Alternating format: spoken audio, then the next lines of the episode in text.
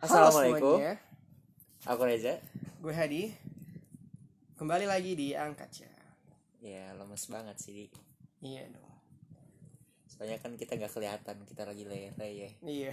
Enak ya kalau di podcast. ya betul banget kita bisa ya santai. Ya sekarang kita mau ngomongin apa nih di? Nah, karena kita udah di masa ujung perkuliahan kita, gimana kalau kita bahas perkuliahan? Hmm, kalau misalkan flashback aja gimana? Wah, menarik juga nih. Flashback ya. Hmm. Kan sekarang bentar lagi mau ada penerimaan nih. Iya, Adik betul. baru entah nanti online atau seperti apa. Tapi yang jelas ya mudah-mudahan ada mahasiswa baru lah ya di tahun 2020 Iya, betul. ini. Dan semoga kita juga lulus ya, tidak terganggu ya. Amin. Amin. Oke. Apa nih flashbacknya?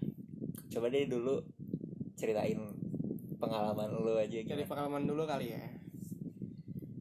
Nah jadi mungkin eh berkuliah sebenarnya eh, emang jadi salah satu apa ya jadi salah satu tahapan hidup lah yang emang udah ditentukan. Cuman sebenarnya setelah gue melihat kembali ke belakang gue sama sekali belum siap buat kuliah. Kenapa? Karena gue masih belum mengerti waktu itu kondisinya gue nggak ngerti kuliah yang bagus tuh di mana? Dan kedua gue nggak ngerti eh, jurusan itu nentuinnya seperti apa. Jadi ketika itu di mungkin di kelas 2 atau kelas 3 waktu itu gue masih belum sadar tuh. Eh, jurusan itu ternyata banyak banget. Dan gue kira jurusan itu bakal ya kayak mata kuliah eh, eh, kayak mata pelajaran maksudnya. Jadi ya cuman itu, itu aja dan ternyata luas banget kalau lu sendiri gimana sih waktu di awal apakah lu sudah merencanakan untuk berkuliah Oh iyalah. kalau aku kan kalau dari SD itu udah setiap di ini cita-citanya mau masuk FKUI gitu. Jadi dari SD tuh udah tahu tujuan eh karena emang pada saat itu kan emang mau jadi dokter terus eh, nyari tahu yang mana fakultas kedokteran yang bagus ya udah di UI terus tuh sampai akhir kelas 3 SMA tuh ya udah cuman taunya tuh fakultas FKUI aja gitu. Nggak nyari tahu pilihan jurusan lain. Paling ya kalau misalkan FK eh, palingan juga pindah universitas aja gitu. FK FK lainnya kayak FK Unpad atau FK UIN dan lain-lainnya. Tapi ya buat fakultas lainnya itu nggak tahu gitu Hmm, menarik ya perbedaan kita sangat jelas di sini ya. tapi intinya sama-sama nggak tahu banyak informasi Iya, tapi bener ya. Tapi kita sama-sama sebenarnya eh, nggak tahu banyak informasi sebenarnya tentang baik univ lain dan juga eh, jurusannya sebenarnya jurusan lain ya. Gitu. Dan kalau dari gue sendiri, ini akhirnya berdampak juga di kepilihan-pilihan gue selanjutnya. Gitu. gimana tuh dampaknya Nah dampaknya adalah eh sekolah gue lumayan, maksudnya mendapatkan kesempatan juga waktu itu sistemnya kita masih 75% bisa ikut undangan. Jadi waktu itu gue juga masih berkesempatan buat daftar undangan. aku juga kok Iya. Sama lah berarti ya. Masih dapet lah, masih ada harapan-harapan lah buat SNMPTN waktu itu. Tapi di sini masalahnya adalah gue masih belum menemukan jurusan gue yang sebenarnya tuh harusnya apa gitu. ya, tapi kamu masuk 75% apa 25% ya 70% kan tadi udah bilang masuk. oh oke oke Nah tapi eh, di sini akhirnya eh, ketika gue tahu itu di awal-awal kelas 3 lah akhirnya gue mulai eh, cari-cari cari-cari lah tuh gimana sih sebenarnya berkuliah. Tapi tetap belum ada informasi yang eh, pasti dan juga gue masih belum bisa nemuin lah sebenarnya passion gue tuh apa. Gitu bahkan setelah dilakukan apa tuh namanya? Talent kayak kayak apa? mapping. kayak talent mapping gitu. Eh, itu- iya mapping. aku main mapping. Setelah melakukan talent mapping itu pun gue juga merasa eh, pertanyaannya itu terlalu apa ya per- pertanyaan yang terlalu straightforward gitu. Jadi kayak ini mah kalau gue mengada-ngada ke arah sini eh, nanti pilihan gue ke arah sini pasti gitu. Dan kebetulan gue juga apa ya jadi intinya gue ngerasa nggak talent mapping ini nggak eh, terlalu membantu lah waktu itu. Jangan ngadi-ngadi dong. Tapi karena dulu gue begitu berpikirannya kira terjadilah seperti itu dari talent mapping itu keluar jurusan-jurusan yang eh, beberapa jurusan yang ngaco dan beberapa yang emang relevan sebenarnya. Kayak waktu itu akhirnya seingat gue keluar sejarah. Keluar sejarah dan statistika gue waktu itu. Jadi ada dua jurusan itu. Sama ada juga teknik sipil yang ya lumayan banyak lah kan. Kalau di Palembang kan banyak ya eh, ininya. Nah dari situ akhirnya gue gak dapet apa-apa jadi dari situ juga gue akhirnya gak dapet apa-apa. Eh, kebetulan eh, nyokap juga bukan tipe yang mengekang atau mengarahkan banget buat gue harus masuk ke mana. Jadi ya everything on me gitu. Jadinya semuanya ada di gue keputusannya. Dan pada akhirnya waktu itu gue melihat banyak temen gue yang sepertinya menarik jurusannya waktu itu adalah eh, teknik sipil waktu itu. Nah itu dan udah ada tuh. teknik fisika waktu itu itu menarik di temen gue kayak temen-temen gue tuh pada tertarik banget sama teknik-teknik itu. Hmm. nah jadi akhirnya eh, gue sih merasakan apa ya? Gue merasakan hype nya juga karena emang kayak apa ya? Temen temen main lah gitu. Dan ternyata eh, waktu itu hype banget gitu jurusan teknik tanpa gue mengetahui itu teknik itu ngapain gitu kan. Akhirnya jatuhlah pilihan gue ke waktu itu di SNMPTN eh, ITS kalau nggak salah ITS teknik sipil dan UI teknik sipil. Gitu deh. Nah kalau lu sendiri gimana za perjalanannya waktu memilih dan akhirnya mengikuti jalur itu? Eh, kalau aku sendiri kan emang eh sebenarnya gak tinggi tinggi banget di SNMPTN-nya maksudnya peringkat paralel di sekolahnya itu ya cukup jauh lah 20-an gitu. Terus milihnya FKUI dan di atasnya tuh ada juga yang mau FKUI kalau dari record tahun-tahun sebelumnya sih emang satu doang gitu dari SMA aku. Tapi ya tetap tetap milih itu ya karena karena emang maunya itu emang doang mau emang maunya itu gitu. Eh, ya walaupun sama BK ya seperti biasa lah kayak BK udah pilih di FK lain aja. Kayak gitu gitu oh ya. iya benar kan. Mengarahkan kan? ya biar semuanya keterima sudah SNMPTN ya. Iya tapi ya nggak mau gitu. Karena emang dari awal cita-cita sejak SD yang maunya masuk ke FKUI akhirnya pilih itu ya seperti yang diduga se- sebenarnya kan harapannya adalah eh, mungkin performa dari tahun lalunya tuh bagus sehingga tahun depannya ngebuka dua slot gitu kan. Karena emang hmm, iya betul. karena emang setelah setelah dia dia peringkat 3 btw Hah. Eh, setelah dia yang mau FKUI lagi tuh yang keduanya tuh aku. Akhirnya ya kalau misalkan dibuka dua ya bisa gitu masuk eh, lewat jalur undangan. Tapi ternyata enggak cuman satu ya udah. Akhirnya harus ikut SBMPTN simak juga. Kayak gitu. Hmm. Menarik ya ceritanya emang udah bener-bener ngincer dari pertama kali lahir kayaknya kalau kayak gini lurus banget hidupnya. Ya gitulah. Bahkan sampai simak aja eh, bener-bener nulisnya cuma FKUI doang gitu. Terus pas orang-orang orang-orang nanya kan terus pilihan keduanya kedua sama ketiganya apa? Oh emang boleh milih lagi gitu. Aku jawab kayak gitu karena emang bener-bener nggak tahu itu gitu dengan pilihan fakultas lain. Kayak bener-bener udah ini aja gitu. Karena emang kan maunya di FK aja. Pun kalau misalnya enggak mendingan mandiri di FK lain. Hmm, dibandingkan jurusan eh, jurusan yang berbeda di universitas yang sama gitu. Gak iya. mau. Dokter, jadi dokter harga emang- mati lah ya gitu ya iya betul. Jadi bukan orientasi ke fak- eh, ke universitasnya tapi lebih ke fakultasnya. Gitu sih. Hmm, menarik ya ceritanya. Dan mungkin kalau di gue sendiri eh, sama juga hasilnya kita tim merah jadinya. Hidup merah. Hidup merah. Di SNMPTN juga kebetulan akhirnya eh, gue nggak dapet waktu itu. Di teknik sipil TS emang kalau nggak salah nggak ada yang dapat juga. Tapi buat di teknik sipil UI dapat dua undangan tapi emang gue ada di urutan ketiga kalau nggak salah. Jadi ya gugur harapan. Nah dan selanjutnya ya juga kira gue harus berhadapan juga dengan SBMPTN kenapa nggak ke teknik fisika? Atau mungkin di kampus lain Nah jadi karena Jadi karena masih keterbatasan informasi juga sih sebenarnya di, masa SNMPTN itu masih benar-benar keterbatasan informasi dan waktu itu kan cuma masih milih dua ya. Ingat gue masih milih dua jadi waktu itu gue masih memprioritaskan buat eh dua jurusan itu gitu. Terus kenapa nggak ke teknik sipil di universitas lain yang mungkin passing grade-nya lebih rendah atau nggak ada teman-teman yang nah mungkin itu sih. Di awal-awal emang banyak banget sih menurut gue yang mempengaruhi itu adalah faktor teman gitu. Jadi melihat beberapa temen nggak ada yang tertarik ke sana gue juga akhirnya berpikiran jadi nggak tertarik juga gitu entah kenapa gitu ya. Mungkin karena emang dulu mungkin gue masih apa ya masih gampang ini ya gampang terpengaruh juga sama temen. Dan lihat kuliah adalah hal yang besar gitu kan. Jadi mungkin takut juga kali ya buat mulai memilih sendiri gitu. Dan akhirnya juga ya sama gitu kayak Reza juga gue bergerak di SBMPTN belajar. Waktu itu ikut les juga ya.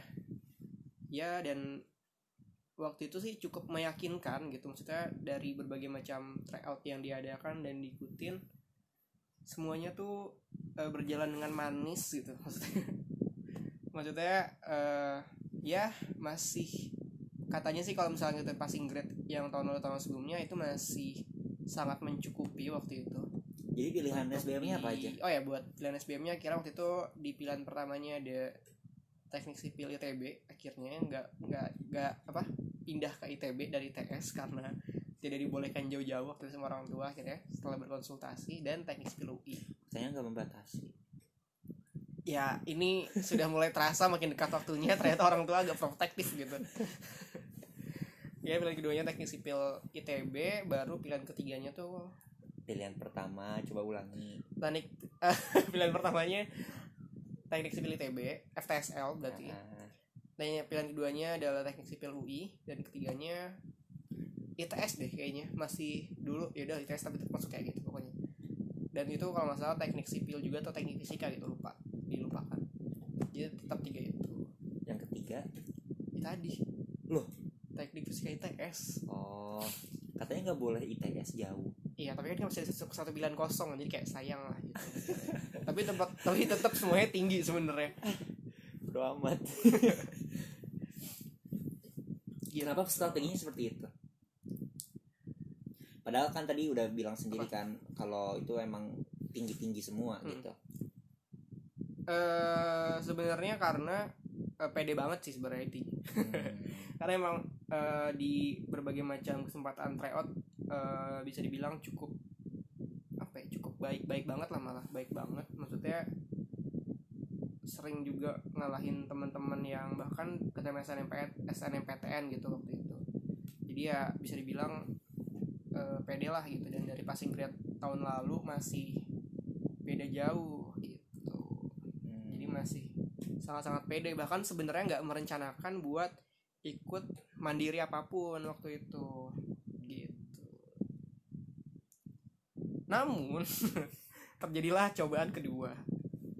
Jadi waktu itu setelah gue SBMPTN pas banget. Waktu itu kan uh, di awal kita bakal ngerjain uh, apa? Saintek ya? Saintek dulu terus baru TKPA nah terjadilah kesadaran itu setelah gue selesai biar saintek waktu itu. Sebenarnya ini juga masih belum tahu sih sebenarnya ini uh, beneran atau enggak tapi uh, waktu itu di momen itu gue ngerasa belum gitu. Jadi akhirnya ini ya jadi uh, bencananya adalah waktu itu gue lupa menuliskan atau melingkar melingkari uh, kode soal gitu kayaknya ya. Kayaknya. Dan itu saintek yang mana uh, ya bobotnya sangat sangat berpengaruh lah sebenarnya. Gitu. Ya sangat lah. Apa sih? Dan waktu itu juga gue sampai akhirnya datengin uh, ruang panitianya juga buat nanya dan inginnya sih memastikan gitu kan harapannya ya ini baru 5 menit 10 menit gitu kalau nggak salah. Mungkin masih bisa dicek gitu kan. At least setidaknya dicek gitu kan e, bener atau enggak nih gitu. At least setidaknya ada kelegaan di hati gue dan tapi ternyata waktu itu udah sampai sana udah udah mohon-mohon juga ya cukup lama lah 10 menit atau 15 menit berdiskusi juga tapi uh, waktu itu akhirnya nggak bisa dibuka karena katanya udah disegel gitu kan dan akhirnya uh, katanya sih yang dijanjikan cuman ditulis di uh, ininya di laporan hmm. acara gitu. Padahal kalau misalkan tadi nggak diskusi 15 menit kayaknya belum disegel tadi. Enggak katanya dari awal, katanya oh, dari awal, dari awal diminta masuk langsung segel katanya sih kayak gitu. Hmm. Jadi ya akhirnya iya tapi waktu itu gue kan ujian pertama ya. Jadi ya gue coba positive thinking juga akhirnya tetap dengan TKPA se maksimal mungkin gitu kan. Tapi setelah hari hanya masuk waktu itu dep terus lupa deh waktu itu simak dulu atau gimana ya? Simak dulu eh simak ini dulu ya. Ujian simak dulu ya. Simak dulu oh iya simak dulu juga. Oh ya waktu akhirnya ibu memaksakan buat simak. Oh. jadi akhirnya waktu itu nyokap minta buat ikut simak karena ya namanya nyokap ya kan maksudnya khawatir juga gitu. Kan belum ada yang pasti gitu. Jadi yang pasti kan Eh, kematian. iya betul. Serem juga anda jokes belum ada yang pasti jadi waktu itu akhirnya eh, disuruh dia ujian mandiri dan waktu itu eh, diarahin buat ikut yang UI karena UI paling deket.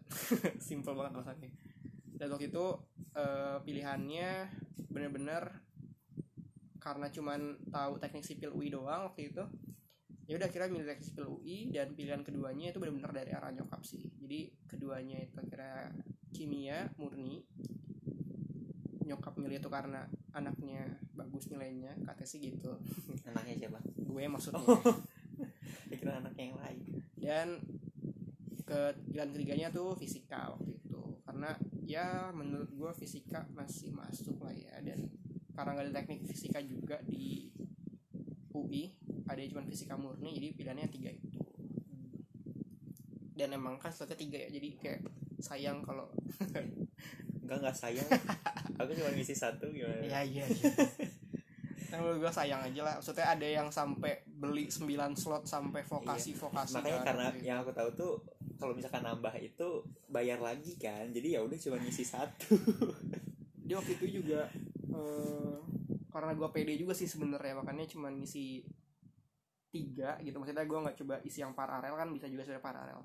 Hmm. dan karena teknik yang gue ketahui cuma satu jadi cuma satu gitu deh. Dan kalau mis misalnya ujian simaknya sih ya biasa aja sih maksudnya karena simak dan SBM tuh jaraknya nggak terlalu jauh ya jadi sebenarnya gak banyak persiapan juga sebenarnya di simak sih kayak gitu. Terus hari akhirnya datang lah hari penentuan itu di judgment day keluarlah hasil SBM dan ternyata tim merah juga. Gitu. Dan waktu itu udah lumayan panik-panik gitu lah waduh gimana nih gitu kan. Nyokap juga tuh mulai panik maksudnya mulai cari-cari opsi juga. Gimana nih anaknya supaya bisa kuliah waktu itu? Eh sempat juga tuh ditawarin buat daftar dulu nih universitas swasta waktu itu. Tapi waktu itu masih tenang ya udah tenang aja dulu tunggu dulu gitu. Dan bahkan waktu itu eh sempat sih kepikiran kayaknya eh, tahan dulu aja kali ya. Maksudnya daripada kuliah lagi juga buang-buang duit. Bahkan sampai kepikiran kayak gitu tuh waktu itu. Eh akhirnya simak akhirnya datang pengumumannya dengan adalah dengan berharap banget. Soalnya ya tinggal itu tinggal itu kan karena emang gak ikut gak ikut ujian mandiri lagi selain itu dan alhamdulillahnya ternyata waktu itu masih dapat tuh di pilihan kedua di kimia UI gitu. Kalau Reza gimana sih Oh akhirnya. Giliran aku ya. Setelah Ya kan emang udah dari awal Udah tuh. BTW Kita kan waktu itu Yang per- tahun pertama yang ada komputer based gak sih?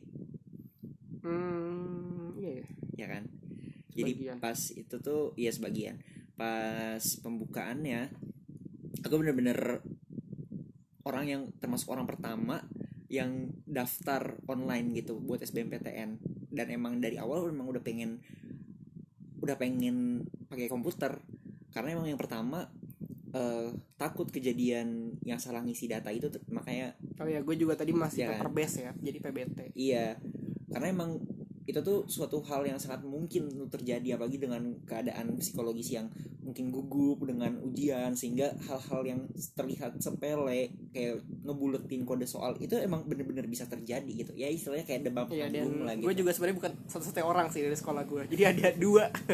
Jadi ada satu ada satu lagi teman gue cewek yang kejadian juga kayak gitu. Dia Iya. juga untungnya kita dia masih bahas- masuk simak. Ah, mau bahas dia Iya.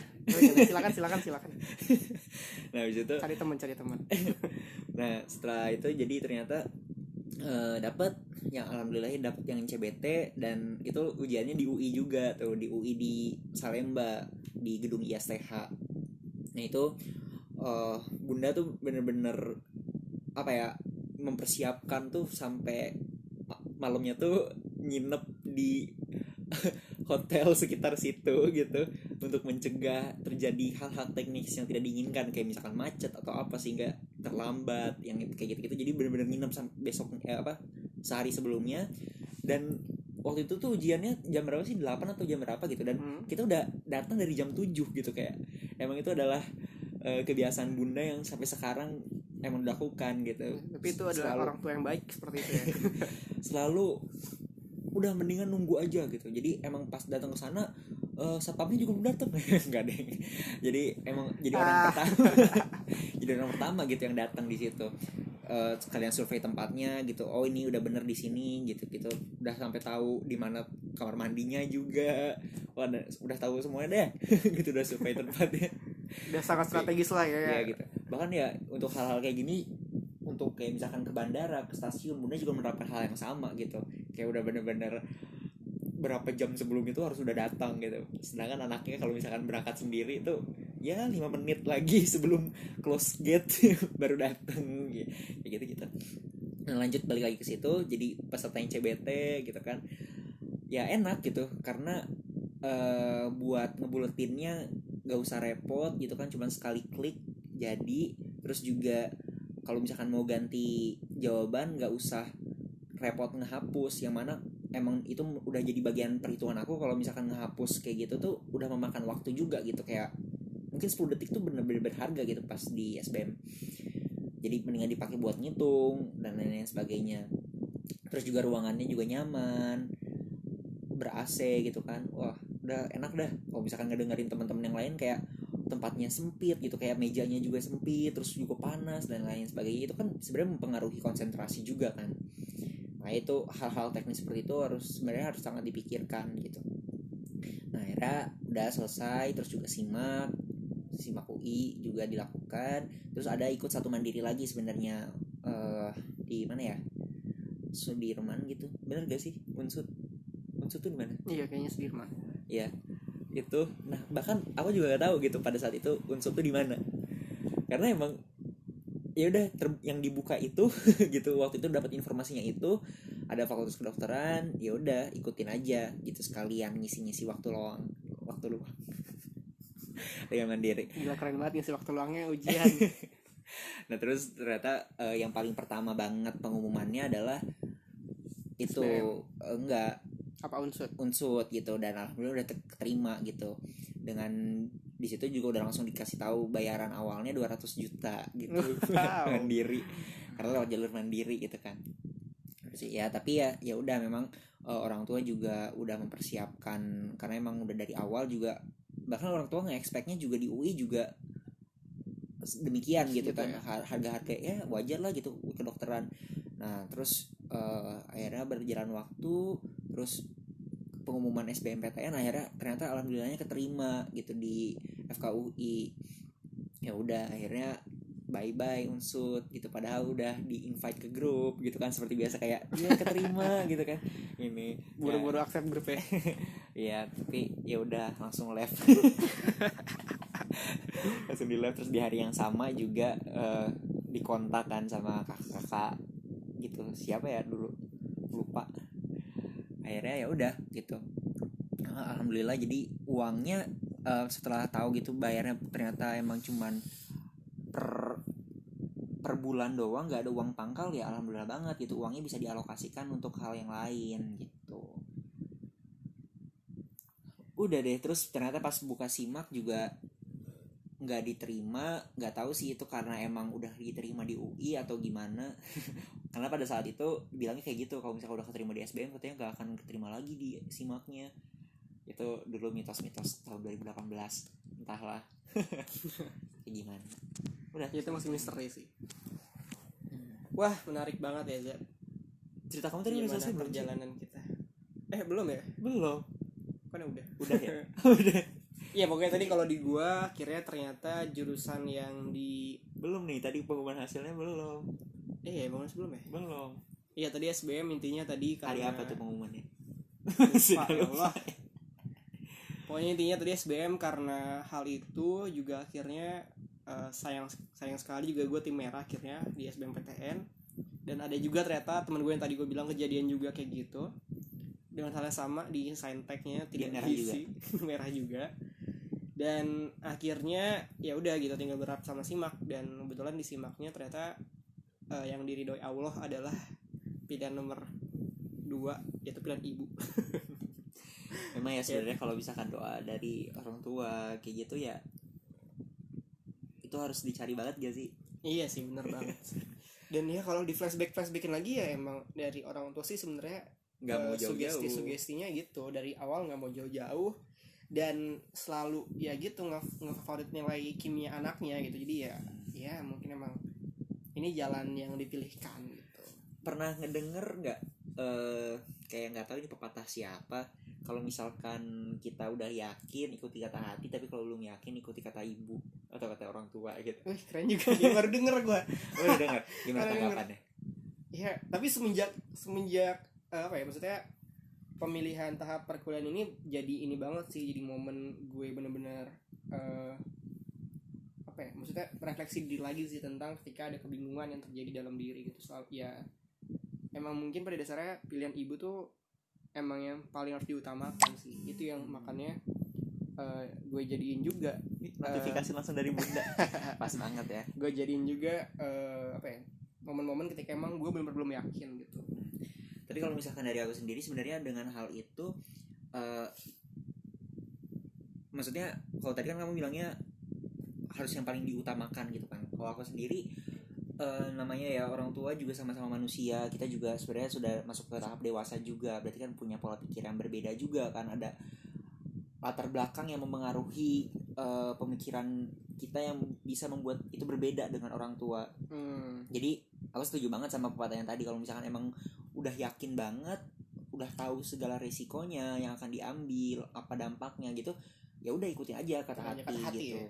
kayak gitu. Dan kalau yang sejauh aku sih tetap tetap minta restu sih tetap jadi kalau misalnya emang terjadi perbedaan eh, perbedaan keputusan antara bunda dan aku sendiri ya aku berusaha mengkomunikasikan kenapa aku memilih ini sampai bunda benar-benar meridoi gitu sampai benar-benar bunda setuju dan ikut mendoakan gitu. Jadi walaupun awalnya beda ya akhirnya bisa sama gitu. Beberapa hal emang bukan pada saat ini sih karena kan pas FAUI emang dari dari SD ya udah bunda juga udah mungkin ngedoain juga atau gimana nggak tahu. Tapi intinya udah udah sama-sama Ya, setuju ya, gitu satu kalau itu. pilihan ya bersama Ah, ya. cuman kalau misalkan di pilihan-pilihan lain banyak yang terjadi bentrok kayak gitu yang ngebuat aku harus terus komunikasi sama bunda biar akhirnya disetujui gitu gitu sih. Nah mungkin eh, kayak tips kali ya. Kita rangkum kali ya kita rangkum tips. eh, yang menjadi paling penting adalah yang pertama eh, harus tahu informasi. Itu adalah suatu basic yang dibutuhkan untuk kita bisa menentukan keputusan. Jadi kalau misalkan kita nggak tahu apa-apa kita nggak punya ilmunya kita nggak punya informasi pilihan tuh jadi kayak sempit banget gitu. Padahal Hmm, betul pilihan itu sangat banyak gitu. Bahkan di Universitas Indonesia aja lebih dari 100 jurusan 117 gitu. jurusan berapa? salah ya 117, 117 jurusan. jurusan gitu. Dan di universitas Lain negeri lah. juga. Ya universitas negeri di Jakarta mungkin. Eh, itu juga ada ada, ada banyak. Ada banyak Iya, kan kayak ada. UIN kayak gitu. Dan eh, di daerah-daerah deket lagi kalau misalkan tadi mau ke ITS kan lebih jauh. Padahal mungkin ada ITB yang tadi Hmm. bahkan sempat gak, gak, gak sempat kepikiran itu pas awal kelas 3 gitu kan. Nah itu jadi kayak informasi itu benar-benar penting yang harus kita cari dari awal. Kalau misalkan eh, lebih bagus ya semakin cepat semakin bagus gitu karena bisa didoakan sejak awal gitu kan. Iya dan itu juga dengan punya informasi yang cukup kuat eh, banyak juga ya strategi-strategi bisa disusun gitu contohnya kan ya. Hmm. misalnya eh, misal kalian masih kelas 1 kalian jadi perlu kalian bisa tahu nih gitu. Maksudnya nilai-nilai apa aja yang harus kalian bagusin dan harus kalian kembangin kayak gitu-gitu juga sih. Penting banget sih itu. Iya, informasi termasuk informasi tadi mandirinya, Mm-mm. informasi tadi bahkan tentang teknis yang ujiannya ya gimana di mana, teknisnya kayak gimana gitu-gitu. gitu Karena eh, banyak juga gitu cerita-cerita temen yang dia belum survei sebelumnya terus jadi bingung di mana tempatnya, terus salah kelas dan lain sebagainya dan dia datangnya mepet. Itu sebenarnya hal-hal teknis yang bisa dicegah gitu. eh, kalau misalkan kita melakukan persiapan sebelumnya. Kalau misalkan memang kita serius dengan hal ini ya harusnya itu menjadi eh, fokus utama kita gitu untuk memper jangan sampai hal teknis itu yang membuat kita jatuh. Tuh di maaf ya dan no yang offense. kedua apa tuh Za? Nah, tadi kan aku yang pertama. Oh ya udah dari gue deh yang kedua. Dan dari yang dan yang kedua juga eh, penting banget juga nih setelah kalian udah ngumpulin informasinya kalian juga perlu banget nih diskusiin juga. Mungkin dari diskusi juga ke diri kalian sendiri gitu. Waktu itu mempertimbangkan kalian sendiri dan juga eh, ajak juga nih diskusi gitu. Mungkin yang terdekat adalah ke keluarga terus juga mungkin ke guru kalian gitu. Misalnya bisa guru BP ataupun guru wali kelas gitu di sini yang sebagai dari pihak sekolah eh, buat menentukan nih gitu dan memperkuat lagi sebenarnya prospek perkuliahannya seperti apa jurusannya itu nanti bakal seperti apa dan mungkin bisa juga nih kalau misalnya buat memperkuat lagi adalah kalian juga bisa cari-cari informasi juga nih Eh, maksudnya eh, cari kenalan gitu kakak tingkat ataupun alumni gitu yang bisa ngasih kalian keyakinan buat memilih jurusan itu. Hmm. nah mungkin sebenarnya dua aja nggak sih tipsnya? Iya sih kayaknya dua cukup. Karena yang mau aku bahas lagi adalah bahas lagi udah 30 menit. Apa di episode 2 kita bakal ada di part 2 nya aja kali ya. Di part 2 aja yaitu sekarang. Sebenarnya ini karena kalau misalkan disambung tuh nggak asik. Nih setelah kamu menjalani eh, masa kuliah sebagai mahasiswa kimia apa yang kamu rasakan? Maksudnya apakah sesuai dengan ekspektasi awal atau atau gimana? Maksudnya gimana ya? Kayak paham nggak pertanyaannya? Kayak Eh, gimana kayak rasanya gitu ya? Rasanya ada di jurusan yang mungkin nggak disangka-sangka gitu yang sih? Iya atau ya nggak usah nggak maksudnya ya setelah menjalani ini gimana gitu. Atau setelah melihat orang-orang lain juga kan punya cerita-cerita yang beda gitu. Mungkin bisa dirangkum kayak apakah emang ini pilihan yang tepat atau gimana? Ya mungkin eh, ketika gue jalanin juga selama 4 tahun ini jauh banget ya langsung ya tiba-tiba SBM udah 4 tahun aja nah jadi setelah dijalanin juga sebagai mahasiswa mahasiswa kimia gitu sebenarnya mungkin kalau pada awalnya bakal panjang ceritanya tapi intinya di awal emang benar-benar banyak keraguan gitu buat melanjutkan dan pertimbangan-pertimbangan lagi sempat juga akhirnya diskusi lagi ke nyokap gitu kan ke kakak juga buat gimana apakah memungkinkan gitu misalnya buat eh, ambil ulang lagi aja gitu. Tapi overall gitu sebenarnya dari segala perjalanan yang yang didapatkan dari perkuliahan ini gitu ada di kimia UI ya banyak sih rasa syukur yang akhirnya eh, apa ya bisa gue dapatkan gitu. Karena eh, banyak Reza. Ya karena gue bisa bilang gini sekarang kuliah ya nggak cuman perkuliahannya aja gitu tapi gimana kehidupan perkuliahannya sebenarnya yang le- lebih banyak memberi makna sebenarnya kalau dalam hidup gue ya. Mulai dari teman-temannya mungkin ayo sebut itu sebut itu ya mungkin kayak salah satunya gitu kayak misalnya gue bisa ketemu Reza yang Yes. sekarang jadi banyak apa ya jadi partner di banyak hal gitu dan juga akhirnya gue diberikan kesempatan banyak juga gitu di perkuliahan dan Hmm. akhirnya ini yang bener-bener uh, menurut gue bisa bikin gue menemukan gitu sebenarnya apa sih yang sebenarnya gue inginkan dan sebenarnya apa sih yang selama ini apa ya kayak membuat gue benar-benar merasa hidup anjay keren banget gitu. Jadi kalau Kayak misalkan pertanyaannya eh, buat buat yang nanti ternyata takutnya salah jurusan jadi kayak milih eh, dia mau yang penting di UI terus milih yang lain kayak gitu-gitu gimana? Ada nasihat atau enggak karena nggak relate. Eh, gimana ya? Tapi kalau di gua sih ada tiga ini sih tiga keyakinan. Oh tiga keyakinan. Eh nggak boleh. Nggak maksudnya gue percaya Allah bakal menjawab doa kita dengan tiga gitu. memberi apa yang kita inginkan apa lagi jadi nasihat agama ayo aku Ini uji. lupa. ya, jadi eh, memberikan apa yang kita inginkan memberikan apa yang kita butuhkan eh, enggak memberikan apa yang baik buat kita dan yang terakhir adalah memberikannya nanti gitu kan ditahan dulu yang kedua tuh diganti ya dua diganti kan memberikan apa yang terbaik buat kita. Iya, ya maksudnya diganti ya maksudnya diganti. diganti tadi.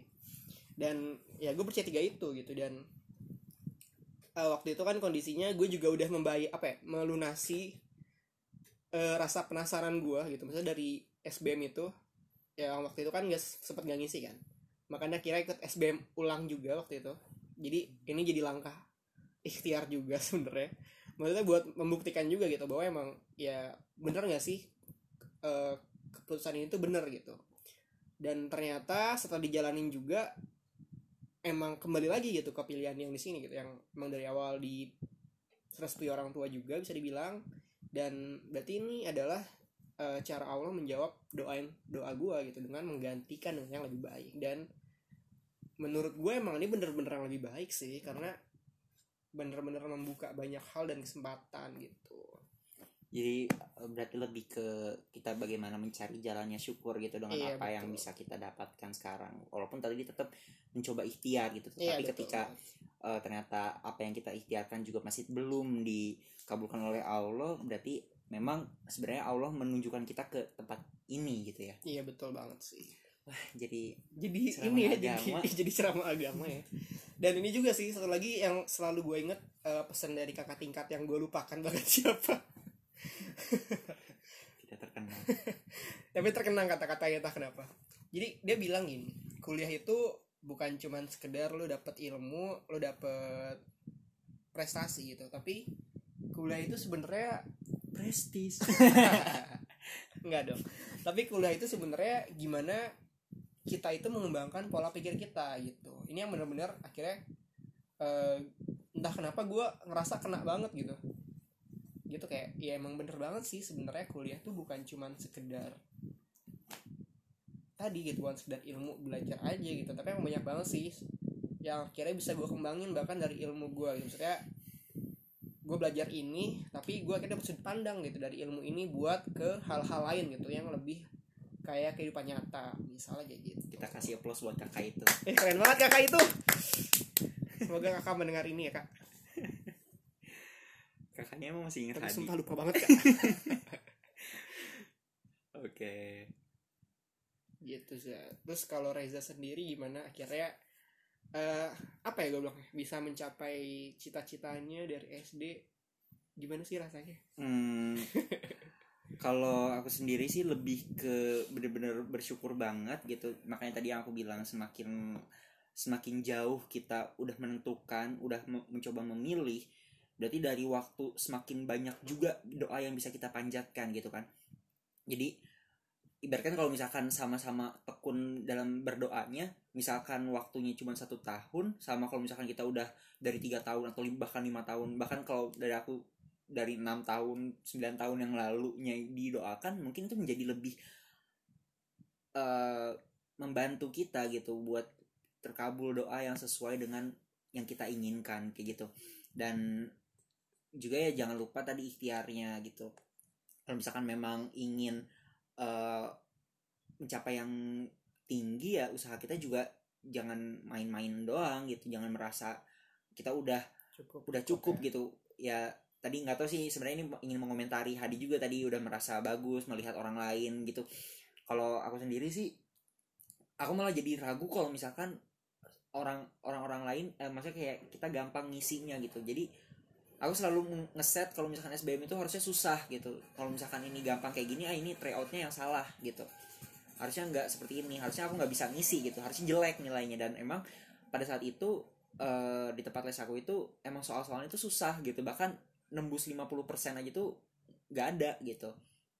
Jadi ya untuk hal-hal yang eh, ketika kita ngesetnya yang ngesetnya tinggi gitu ya mudah-mudahan kita jadi bisa lebih mencapai hal itu gitu. Jadi jangan selalu jangan merasa puas sampai kita benar-benar dapetin itu. Wow. Keren sekali. Ya dan jangan cuman prestis aja sih yang dicari karena dalam perkuliahan berat banget juga sih. Eh, banyak juga teman-teman eh, nggak banyak sih ada beberapa yang teman-teman angkatan aku yang emang dia keluar karena memang eh, dia tidak ingin di situ gitu. Walaupun memang dia mampu tapi karena ya banyaklah intrik-intrik Iya. di di kedokteran tuh yang dia disuruh sama orang tuanya gitu dipaksa tapi dia gak mau gitu. Dan lain-lain yang kayak gitu. Intinya ya tadi sih lebih ke coba cari apa yang emang ma- yang diinginkan gitu jangan cuma mencari prestis aja karena nanti kasihan diri kamu sendiri sih Iya betul karena kuliah tuh sulit ternyata guys. Jadi masuk masuknya sulit buat dan bertahannya pun juga sulit gitu dan keluarnya juga sulit. gitu Nah Keluar mungkin kapan nih? kita kita berdoa juga bersama-sama semoga di semester ini. Amin. Di wab, apa wabah pandemi ini kita masih bisa lulus tepat waktu. amin. Kayak gitu. Dan mungkin terakhir kali pesan ini ya maksudnya penutup juga mungkin buat teman-teman angkatan 2000 berapa berarti sekarang? 20 2020 yang mungkin udah mendengar pengumuman SNMPTN-nya selamat Yang- buat yang diterima. Iya selamat buat bantu juga teman-temannya. Jangan lupa buat membantu teman-temannya juga buat belajar SBMPTN jangan. Asik-asikan di rumah. Yang jadi lucu tuh kalau waktu itu kan eh, aku kan udah ngekos kan sama temen. Dan terus eh, selama nunggu waktu pengumuman itu aku tetap main game terus gitu main Dota gitu. Sedangkan dia rajin banget belajar di di tempat les terus pas balik juga. Jadi dia berangkat nih pagi nih. Pagi dia berangkat ke les eh buat belajar tentunya. Aku lagi main game tuh. Hmm. pas pulang aku masih main game. Gitu. dan dia belajar lagi gitu. terus pas pengumuman dia yang dapat SNMPTN kan. Padahal dia udah lebih siap kayaknya tuh buat SBM ya gitu. Pokoknya usaha apa pun kalian itu pasti akan ada hasilnya ya. Percaya itu juga. Dan semoga nanti di hasil SBMPTN-nya ataupun mungkin ujian mandirinya ya iya. kalian bisa sukses dan dapet eh, pilihan yang terbaik bukan pilihan yang kalian inginkan. Iya. Yang barokah. Betul banget. Ya paling cukup kali ya buat eh, di capek Podcast ngeditnya nih kalau misalkan YouTube. pertama kita. Ini kalau misalkan di YouTube udah meledak nih laptopnya. Iya betul. Udah gak kuat ngasih efeknya. Ya gitu. Semangat pokoknya. Percaya diri kalian bisa juga dan jangan lupa buat apa sih? Nyalakan apa? Dan jangan lupa buat berdoa sih sebenarnya tadi harapannya itu? Oh berdoa iya. Tapi itu penting juga sih buat nyalakan bel juga. Dan jangan lupa juga follow angkaca. Dan udah nggak fokus. nonton berbagai macam konten kita. Bisa diakses lewat Instagram dan juga ditemukan di YouTube dengan nama Angkaca hanya dua ya. Oke, see ya. dadah Dadah.